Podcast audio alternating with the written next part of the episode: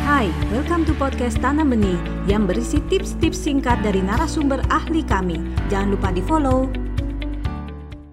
Mungkin kadang-kadang kita merasa bahwa kok anak kita seperti anak manja ya, padahal kita sendiri merasa kita tidak pernah memanjakan anak.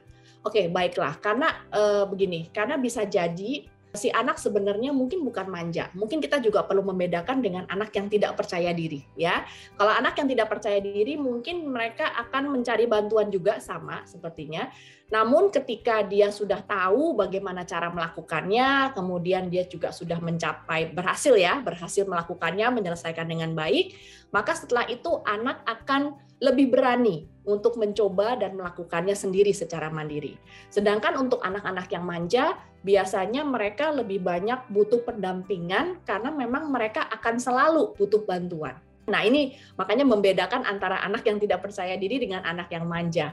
Kemudian juga biasanya kalau untuk anak-anak yang manja, kadang-kadang kita sebagai orang tua itu kadang kasihan dengan anak. Ya, jadi kita ngerasanya tidak memanjakan, tapi sebenarnya karena kita kasihan dengan anak, kita selalu membackup atau mendukung si anak, membantu si anak, memfasilitasi anak sehingga akhirnya sebenarnya anak-anak jadi bergantung pada kita.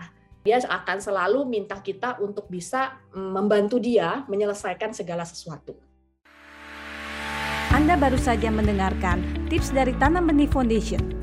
Mari bersama-sama kita terus belajar untuk menjadi orang tua yang lebih baik demi generasi yang lebih baik.